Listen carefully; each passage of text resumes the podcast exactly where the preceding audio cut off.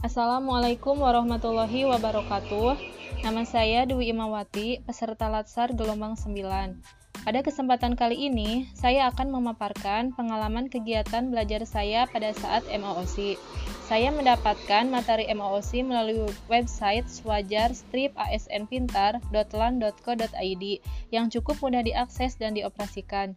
MOOC atau Massive Open Online Course merupakan platform pelatihan dasar atau latsar online untuk calon pegawai negeri sipil atau CPNS. Platform MOOC dikembangkan oleh Lembaga Administrasi Negara atau LAN yang memungkinkan peserta CPNS mengakses dan mempelajari agenda latsar. Latsar sendiri merupakan rangkaian uji kompetensi yang harus dilalui CPNS sebelum diangkat sebagai PNS. Tahun ini, Latsar CPNS dilaksanakan secara daring full e-learning.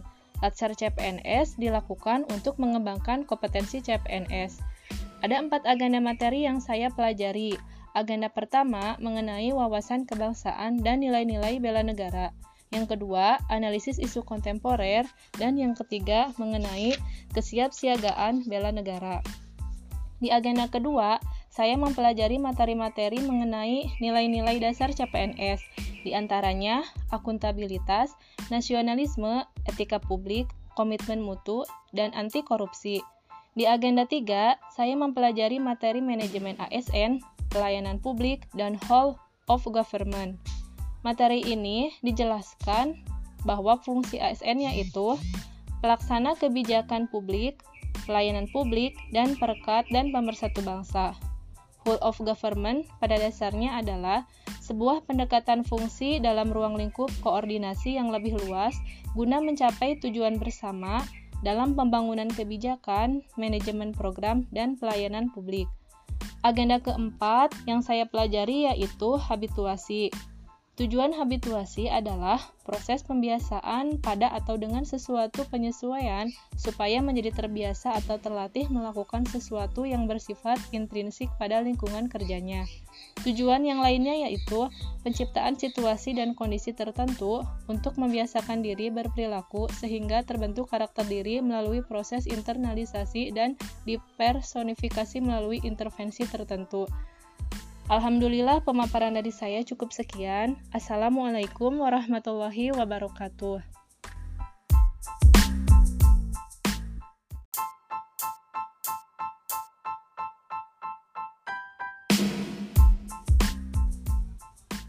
Assalamualaikum warahmatullahi wabarakatuh. Nama saya Dwi Imawati, peserta Latsar gelombang 9. Pada kesempatan kali ini, saya akan memaparkan pengalaman kegiatan belajar saya pada saat MOOC. Saya mendapatkan materi MOOC melalui website swajar yang cukup mudah diakses dan dioperasikan. MOOC atau Massive Open Online Course merupakan platform pelatihan dasar atau latsar online untuk calon pegawai negeri sipil atau CPNS.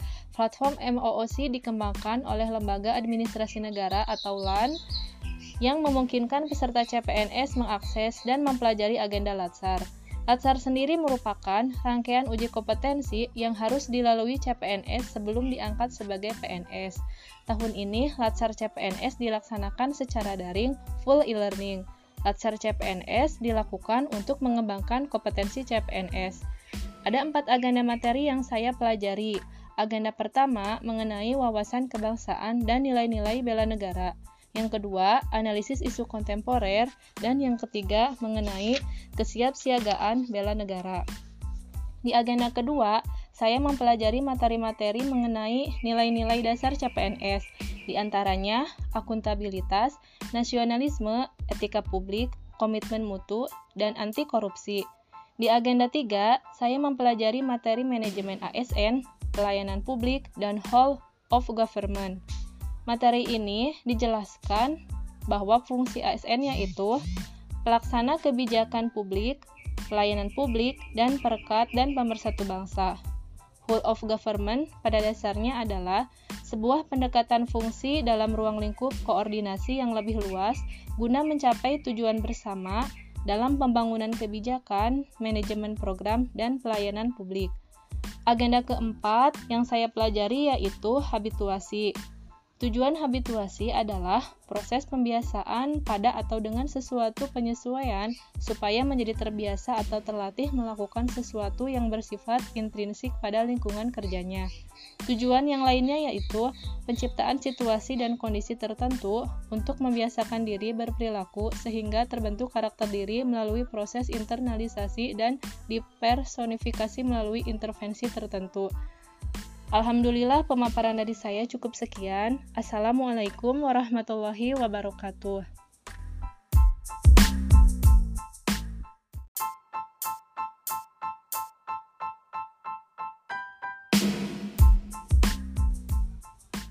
Assalamualaikum warahmatullahi wabarakatuh.